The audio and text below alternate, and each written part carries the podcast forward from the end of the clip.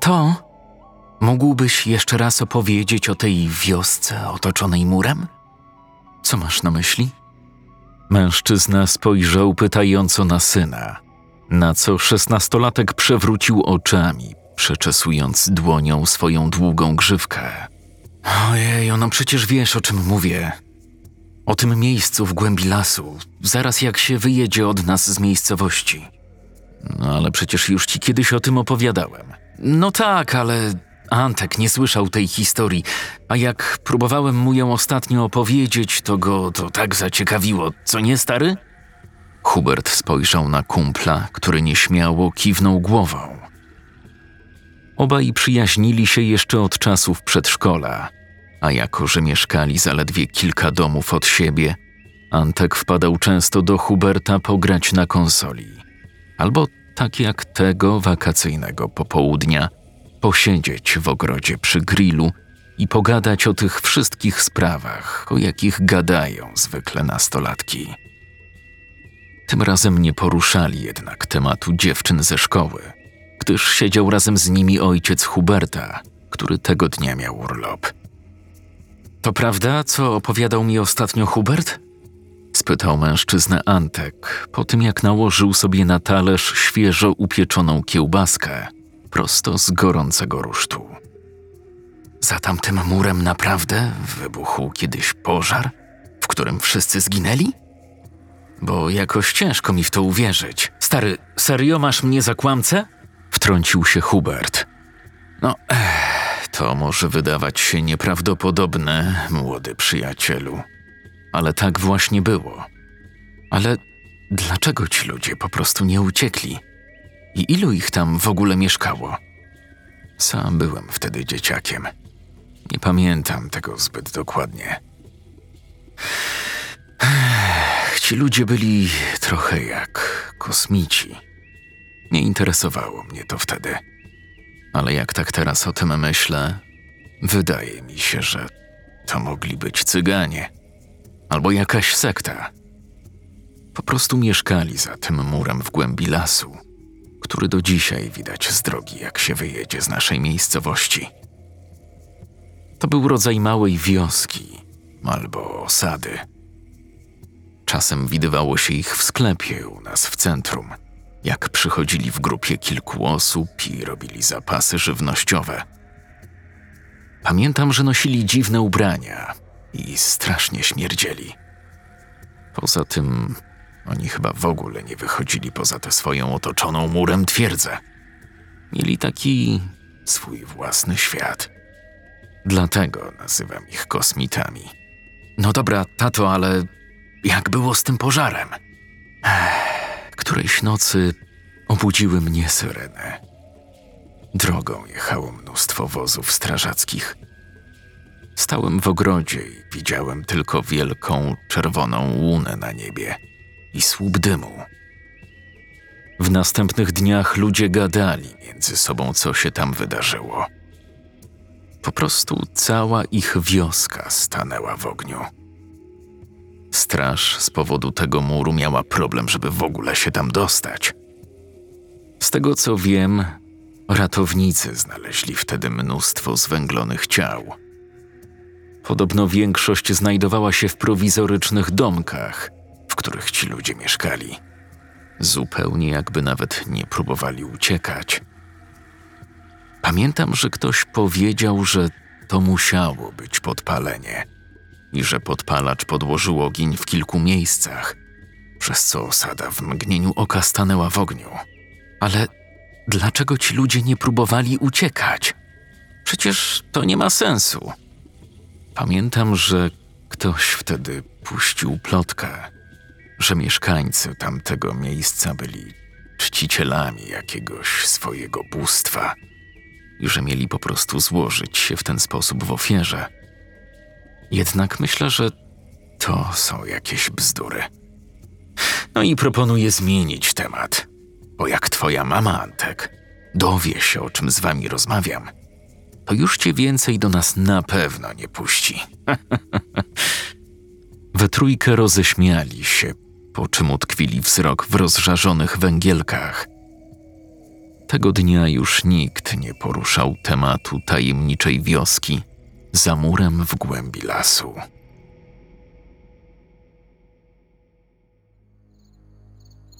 Hubert, ty myślisz, że to zdarzyło się naprawdę? To, o czym wczoraj opowiadał twój ojciec? Spytał kumpla Antek, kiedy następnego dnia, późnym popołudniem, kroczyli chodnikiem w stronę przystanku. Mimo dziewiętnastej na zegarkach, wciąż było nad wyraz duszno i gorąco. Przecież o tym pożarze słyszałem już od różnych osób, nie tylko od mojego taty. Na przykład? Na przykład kuzyn opowiadał mi kiedyś, że jego sąsiad był na grzybach i przeszedł przez tamten mur. Wiesz, tak z ciekawości. Ale kiedy to było? Nie wiem, no, ale chyba niedawno. Jakieś dwa, trzy lata temu. No dobra, ale w jakim celu tam przechodził? Ojeju, no mówiłem, że chyba z ciekawości. Nieważne czemu. Ważne, co się potem mu stało. W sensie? Facet ponoć wrócił do domu totalnie przerażony. Żona pytała się go, co się stało, a on nie potrafił jej odpowiedzieć. Po prostu bał się własnego cienia, ale nie był w stanie określić, czego w zasadzie się boi. I co było dalej? Podobno zrywał się w nocy. Miał jakieś koszmary. Aż w końcu całkiem zwariował i wylądował w wariatkowie. Eee, gadasz tak, żeby napędzić mi stracha. Mówię serio, stary. Przynajmniej tak opowiadał mi kuzyn. A nie wydaje mi się, aby kłamał. Ale wiem, że ludzie zapuszczają się czasem w tamto miejsce. I nic dziwnego się im nie przytrafia, więc raczej możemy być spokojni. Poza tym jest jeszcze jasno. Nie masz się czego bać. A zawsze możemy zawrócić, co nie? Kiedy doszli do przystanku, mieli jeszcze chwilę czasu na przyjazd PKS-u. Na pomysł, aby wybrać się do wyludnionej wioski za murem w głębi lasu, wpadł Antek, co trochę zdziwiło Huberta, gdyż zawsze miał kumpla zamięczaka. Oczywiście w pozytywnym tego słowa znaczeniu. Antek był po prostu dość delikatny. Uczeń prywatnego liceum w mieście, który preferował raczej wypad do kina albo na bilard, niż włóczenie się po jakichś upiornych miejscach w gęstym lesie. Kiedy tak stali na przystanku, raz po raz zerkali na kartkę A4 przypiętą do tablicy ogłoszeń. Na papierze widniał duży napis: Zaginął. Pod nim był dokładny rysopis oraz zdjęcie długowłosego chłopaka, który nazywał się Artur Wolak i zapadł się pod ziemię w zeszłym tygodniu. To nie pierwsze takie zaginięcie w okolicy. Co jakiś czas znikały młode dziewczyny. Od jakichś kilku lat, średnio co kilka miesięcy. O ale zapiło w tym busie, stary stwierdził Antek, kiedy wraz z Hubertem wysiedli na przystanku, za którym rozpoczynał się las. Jestem prawie pewny, że to od tego kolesia, co siedział z przodu. Takich meneli nie powinni wpuszczać do środka. No już nie bądź taki wrażliwy. Dawaj za mną. Jak się pospieszymy, dojdziemy tam za jakieś dziesięć minut. Antek ruszył za Hubertem wąską ścieżką prowadzącą w głąb gęstego boru. Co jakiś czas musieli z niej zbaczać, by omijać powalone wskutek ostatniej wichury drzewa, z których spokojnie starczyłoby opału na srogą zimę. I to dla kilku gospodarstw domowych. Tutaj, w lesie, było znacznie chłodniej i wilgotniej niż na otwartej przestrzeni. Gęste korony drzew nie przepuszczały nawet najmniejszych promyków słońca które zresztą chyliło się już powoli ku zachodowi. Cholera, mogliśmy się tutaj wybrać trochę wcześniej, rzekł Antek, kiedy dotarli wreszcie pod mur. Na jego jasnej koszulce polo widniało kilka plam potu. Szesnastolatek przeczesał dłonią spocone blond włosy. Był wyraźnie zmęczony tempem, jakie narzucił jego kumpel. Niby czemu wcześniej? Wolałeś tutaj drałować w tym upale? Chodzi mi o to, że powoli zaczyna się robić ciemno.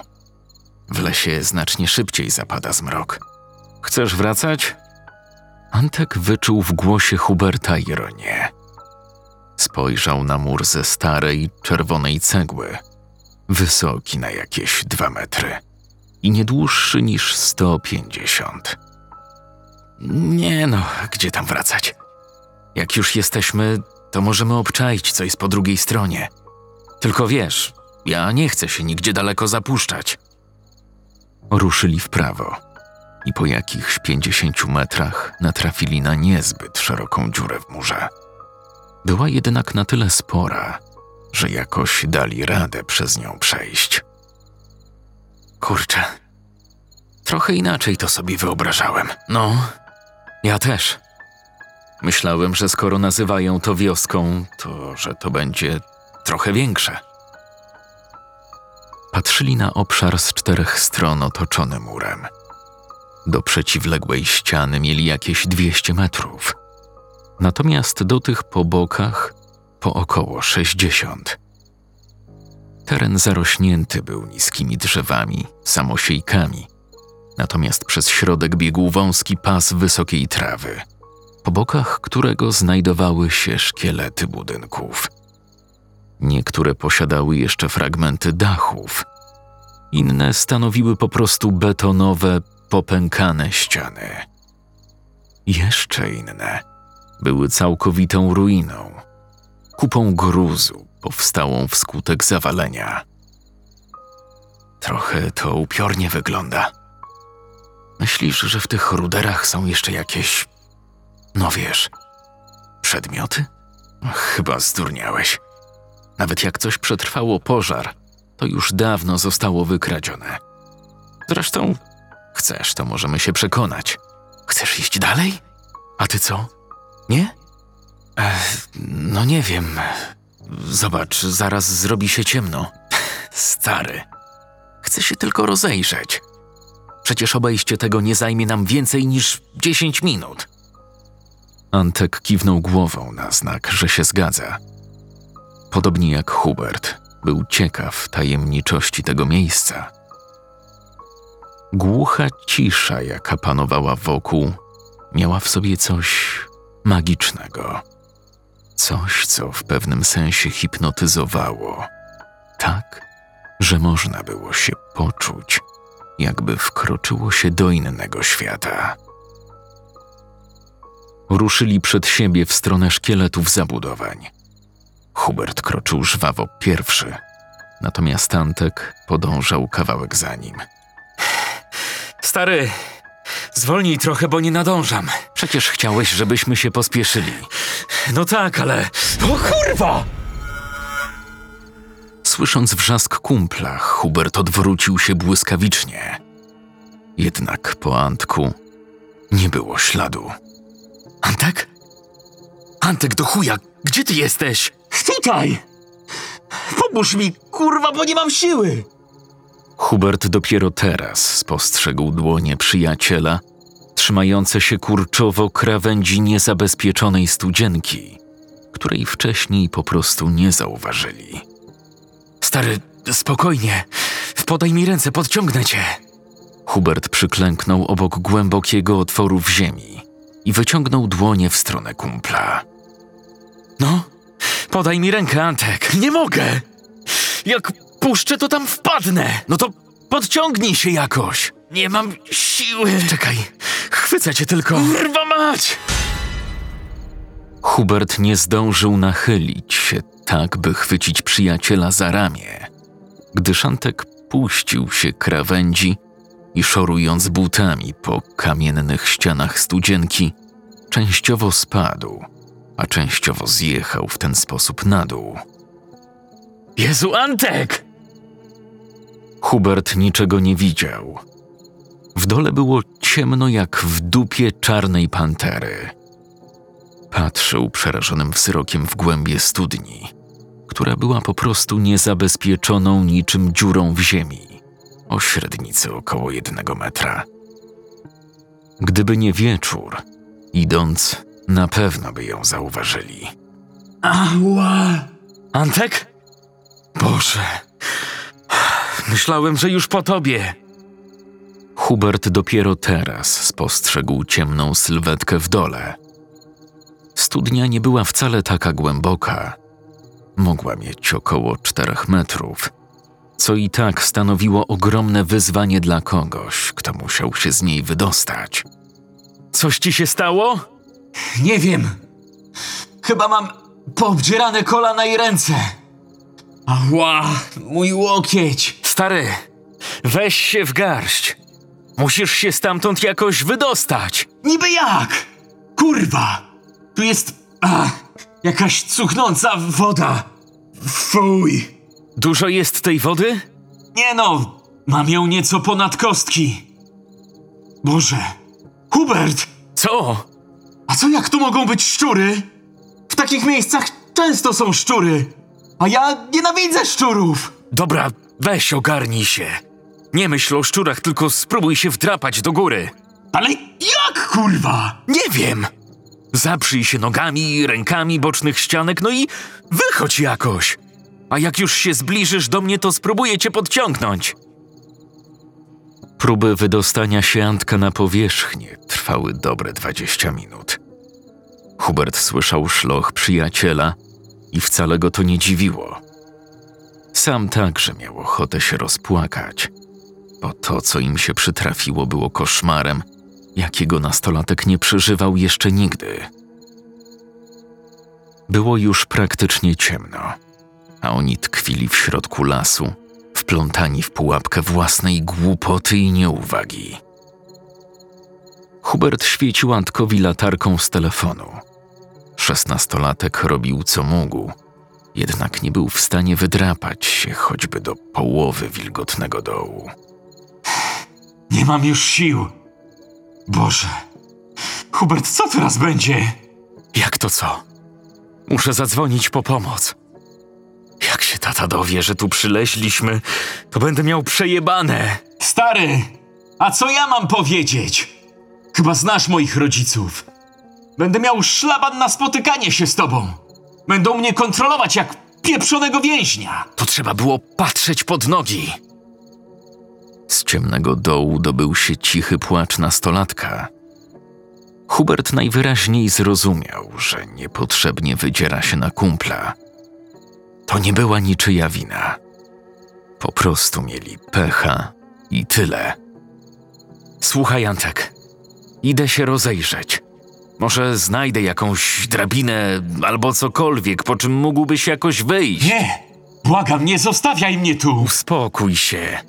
Przecież nie idę do domu. Rozejrzę się po tych zrujnowanych zabudowaniach. Może coś znajdę. A jak nie, to wtedy trudno. Zadzwonię do taty. Tylko się pospiesz, błagam. Hubert ruszył biegiem zarośniętą drogą, po obu stronach której wystawały upiorne szkielety budowli, będących niegdyś domami. Nastolatek oświetlał sobie drogę latarką w telefonie, gdyż było już praktycznie całkiem ciemno. Rozglądał się wokół zrujnowanych domostw, jednak nie rzucało mu się w oczy nic, co mogłoby pomóc przyjacielowi wyjść na powierzchnię. Antek cały trząsł się z zimna i ze strachu. Stał po kostki w bardzo zimnej wodzie, na dnie studni, w której panowała temperatura o kilka stopni niższa niż u góry. Chłopiec, patrząc w stronę otworu, widział tylko ciemne niebo, na którym pojawiły się już pierwsze gwiazdy. Łzy ciekły mu po policzkach. Nie miał pojęcia, ile czasu minęło, odkąd Hubert oddalił się od studni. Może pięć minut, a może dwadzieścia pięć. W takich chwilach czas biegnie swoim indywidualnym tempem. Hubert! Wracaj już! Zawołał, nie mając nadziei na to, że kumpel go usłyszy. W pewnym momencie uszu Antka dobiegł jakiś dźwięk. Był to dziwny, tajemniczy, narastający odgłos, który sprawił, że serce szesnastolatka zaczęło bić jeszcze mocniej.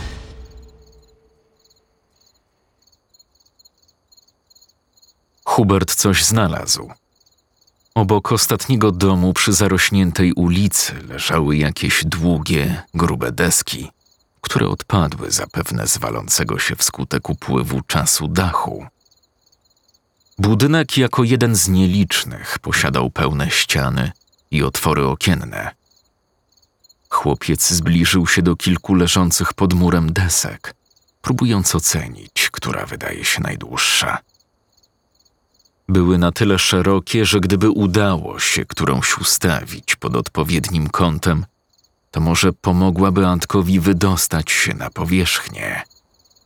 Ta będzie idealna.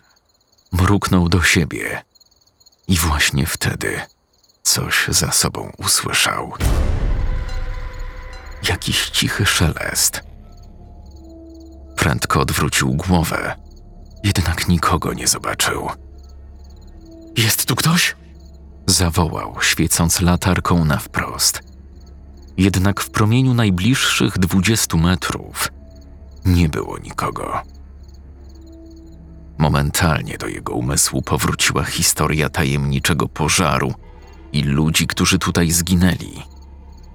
Kurwa, po chuja myśmy tu przyłazili i to jeszcze o tej porze. Pomyślał, nie mogąc do końca zrozumieć, skąd brało się to narastające przerażenie w jego głowie. Hubert chciał jak najszybciej pomóc wydostać się kumplowi i jak najprędzej opuścić to ponure miejsce.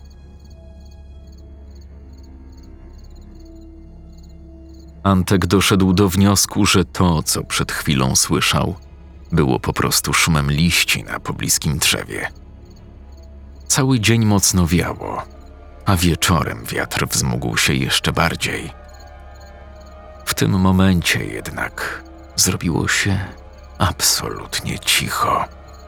Hubert! Idziesz do cholery! Chłopiec ponownie podjął próby wspinania się po ścianach do góry, kiedy nagle znów coś usłyszał. Hubert? Idziesz wreszcie?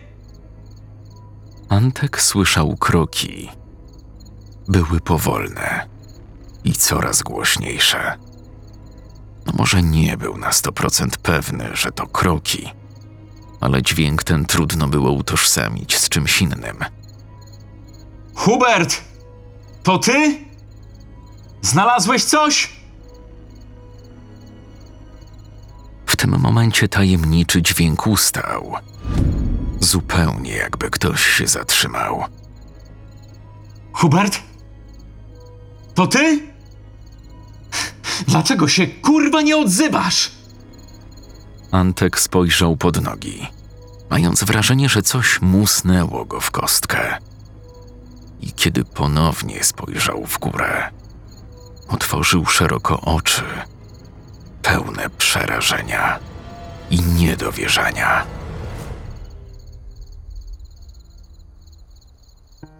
Hubert chwycił najdłuższą z desek, która miała około 3 metry długości. Była cholernie ciężka. Szesnastolatek wiedział już, że nie da rady jej przenieść. Będzie musiał ją ciągnąć po ziemi. Chwycił koniec dechy oburącz i kiedy ruszył w kierunku studni, jego uszu dobiegł przeciągły wrzask przyjaciela. Kurwa mać!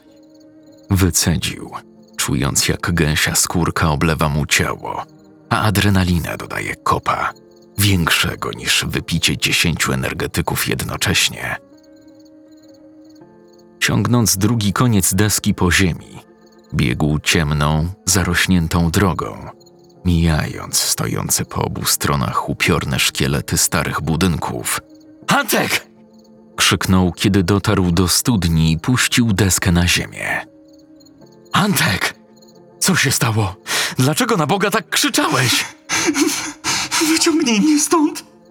Głos zapłakanego szesnastolatka był zmieniony. Zmieniony ekstremalnym przerażeniem. Hubert jeszcze nigdy nie widział kumpla w takim stanie. Błagam, wyciągnij mnie stąd jakoś. Hubert nie pytał więcej o powód historii przyjaciela. Nie było na to czasu. Po prostu spuścił na dół deskę, która jednym końcem podparła się o dno studni, a drugim o ścianę, jakiś metr poniżej otworu wylotowego. Kąt był na tyle duży, że Antkowi po kilku próbach udało się wydrapać do góry o te dwa i pół metra. W tym miejscu ściany robiły się nieco węższe, przez co chłopiec, wspomagany adrenaliną, wyszedł do góry, zapierając się rękami i nogami, a na samym końcu korzystając z pomocy Huberta, który podał mu rękę. Jezu, stary, co ci się stało? Hubert zadał to pytanie, widząc w oczach przyjaciela prawdziwy obłęd. Dostrzegali swoje twarze wyraźnie, dzięki blademu światłu księżyca. Stary, przecież bym cię nie zostawił. Ja. Ja chyba coś widziałem. Albo. Sam już nie wiem. W kilka minut odnaleźli otwór w murze i wydostali się z zagrodzonego terenu, by następnie biegiem pokonać fragment lasu i dostać się do drogi prowadzącej do miejscowości. O tej porze próżno było liczyć na przyjazd jakiegoś autobusu, więc ruszyli w stronę domów na piechotę. Antek, dlaczego w pewnym momencie tak strasznie krzyknąłeś? spytał Hubert, kiedy maszerowali z krajem asfaltowej drogi otoczonej polami. Nie wiem. Ja chyba coś zobaczyłem. Niby co mogłeś zobaczyć? Stary, prawie tam zawału dostałem, tak żeś wrzasnął. Ktoś tam chyba był. Rozumiesz? Zresztą sam już nie wiem. Ale jak to ktoś tam był? Gdzie niby był? Kiedy cię nie było, usłyszałem coś dziwnego, jakby kroki. Byłem pewny, że to ty. Nagle coś zobaczyłem. To był tylko moment, ale miałem wrażenie, że ktoś stał u góry, przy otworze tej studni. Co ty bredzisz? Przecież tam nikogo nie było. Tam nie miało prawa nikogo być. Wiem. Nie musisz mi mówić takich rzeczy. Po prostu miałem wrażenie, że widzę jakąś małą sylwetkę. Jakby dziecka, która na moment stanęła przy studni i spojrzała w dół. Wiem, że to brzmi idiotycznie, ale takie miałem wrażenie. Teraz jak tak o tym myślę, to wydaje mi się, że to mógł być po prostu cień jakiejś gałęzi na wietrze. Sam nie wiem. Wiesz, w sumie ja też miałem cały czas wrażenie, jakbyśmy tam nie do końca byli sami. Boże, po chuja myśmy w ogóle tam poszli. Nie chcę tam wracać. Już nigdy więcej. Za żadne pieniądze. Po chwili byli już na głównej ulicy wsi, w której mieszkali. Przy drodze świeciły latarnie, dzięki czemu strach na dobre opuścił nastolatków. Przechodzili akurat obok lokalnego sklepu mięsnego, kiedy Hubert stwierdził, że jest cholernie głodny. Poczekasz tu? Bo chyba jest jeszcze otwarte. Kupię sobie jakąś kiełbasę albo kabanosa, bo umieram z głodu. Jasne, poczekam. Chcesz coś? Nie, dzięki. To z tego sklepu były wczoraj te kiełbaski na grillu? Chyba tak. Tata zawsze tu kupuje. To w końcu jedyny mięsny w okolicy. Spoko. Nie chciałem nic mówić, bo to niegrzeczne. Ale jakoś niespecjalnie mi smakowały. Były jakieś takie mdłe. O, kiełbaski jak kiełbaski. Zaraz wracam. W sklepie było pusto. Nad ladą paliła się jedynie blada żarówka. Halo? Dzień dobry. Jest jeszcze czynne? Po krótkiej chwili drzwi zaplecza otworzyły się i do lady podszedł rzeźnik w białym fartuchu, a jednocześnie właściciel sklepu. Był potężnym, wysokim mężczyzną w średnim wieku. Miał wielki brzuch i szerokie barki. Także z ledwością mieścił się w drzwiach. O, otwarte, otwarte! Rzekł jak zawsze miłym, łagodnym głosem. Miał spoconą twarz i był zasapany. Zupełnie jakby nastolatek oderwał go właśnie od jakiejś męczącej czynności. W czym mogę służyć? Poproszę trochę tej wędzonej kiełbasy. Tej tu, obok boczku. Jasne, już pakuję. Hubert zapłacił, podziękował, po czym opuścił lokalny sklep mięsny. Na pewno nie chcesz? Dobra, możesz mi trochę odłamać. Ruszyli w stronę swoich domów, jedząc pachnącą kiełbasę. Kiedy Hubert wyszedł ze sklepu, rzeźnik zamknął drzwi na zamek, po czym przekręcił kartkę z napisem otwarte na zamknięte. Przetarł chusteczką pot z czoła. Jego pulchną twarz zdobiły czerwone rumieńce, a głowę wielkie zakola. Mężczyzna wrócił na zaplecze, by spokojnie dokończyć to, co zaczął. Zrobimy to ostatni raz, wiesz? A potem cię uwolnię. Rzekł do długowłosego chłopaka, który leżał związany pod ścianą. Chłopak nazywał się Artur Wolak. Miał prawie 18 lat i zaginął w zeszłym tygodniu. W ciągu dnia przetrzymywany był w małej kanciapie na zapleczu. Rzeźnik nie był gejem. Lubił ładne kobiety i to właśnie je porywał co kilka miesięcy, wykorzystując do tego różne przemyślane sposoby. Kilka dni temu jechał swoim dostawczakiem. Był trochę pijany. Zobaczył z daleka Artura, ale był pewny, że to dziewczyna. Potrącił go i pod pretekstem chęci udzielenia pomocy wciągnął na pakę. Kiedy zorientował się, że upolował faceta, nie miał do siebie większych pretensji, gdyż po alkoholu wszystko wydawało mu się godne erotycznej uwagi. Jak to mówią, nie ma brzydkich kobiet. Jest tylko za mało alkoholu. Poza tym rzeźnik i tak zawsze rżnął od tyłu, odkąd pewna słodka blondynka, którą niedostatecznie mocno ogłuszył, prawie odgryzła mu nos. Mężczyzna nie zamierzał uwolnić swojej ofiary. Jeszcze tego wieczoru poderżnie mu gardło. Następnie poćwiartuje i poporcjuje i znaczną część mięsa nastolatka pomiesza z wołowiną i cielęciną, które następnie przerobi na pyszne, swojskie kiełbasy. Dobry sposób na ekonomię, a przy okazji wygodne pozbywanie się ciał. Rzeźnik nie uważał się za złego człowieka. Po prostu miał potrzeby, jak każdy mężczyzna. Przynajmniej nie był kanibalem, jak większość mieszkańców wioski. Nigdy nie jadał swoich wyrobów. Wolał wędlinę w paczkach z marketu. No, dalej. Zrób mi tę przyjemność ostatni raz, kochany. Powiedział, nachylając się nad chłopakiem.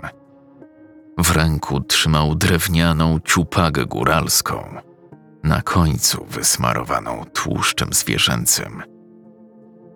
Artur cały czas był ledwo przytomny, ale w tym momencie ożywił się, jakby ktoś oblał go wrzącą wodą. Ryknął. Kiedy Antek wrócił tego wieczora do domu, jego ojciec siedział w salonie przed ekranem wielkiego telewizora, a matka jak co dzień, pracowała przy komputerze w swoim gabinecie. Nawet nie zwróciła uwagi, że syn gdzieś wychodził. Praca była jej bogiem. Antek wiedział o tym i często go to bolało. Chciałby czasem go zauważała. Byłeś gdzieś, kochanie? Byłem u kolegi. Nie mógł powiedzieć o wydarzeniach za murem, bo matka by się wściekła, że jej jedyny synuś, na którego dodatkowe zajęcia przeznacza tak dużo pieniędzy, szlaja się po jakichś niebezpiecznych miejscach. Zrobić ci kakao? Chętnie. Dzięki, mamo.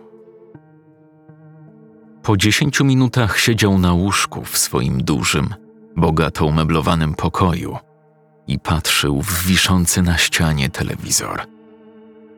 Puścił sobie jakąś komedię na Netflixie, jednak nie potrafił skupić się na oglądaniu. Popijał kakao i myślał o tym, co się tego dnia wydarzyło. Czy faktycznie kogoś widział stojącego nad tą studnią? Im dłużej tak się nad tym zastanawiał, tym bardziej dochodziło do niego, że żadne zdarzenie paranormalne nie miało miejsca. Antek był inteligentnym chłopakiem i wiedział, że ludzki mózg potrafi czasem płatać figle. Pozwala zobaczyć coś, czego nie ma, a co stanowi jedynie obsesyjny lęk w naszej głowie. Mimo wszystko Antek nie chciał już wracać do tamtego miejsca w głębi lasu. Za ceglanym murem kryła się jakaś niepokojąca, mroczna tajemnica. Może na świecie faktycznie istnieją miejsca nawiedzone. Nastolatek wyłączył telewizor i położył głowę na poduszce. Dopiero teraz poczuł się zrelaksowany. Postanowił nie myśleć już więcej o dzisiejszych wydarzeniach. To upiorne miejsce było daleko w lesie, a on przebywał w swoim dużym domu z alarmem, w którym czuł się bezpiecznie. Mieszkał w bezpiecznej okolicy, w której nie było się czego bać.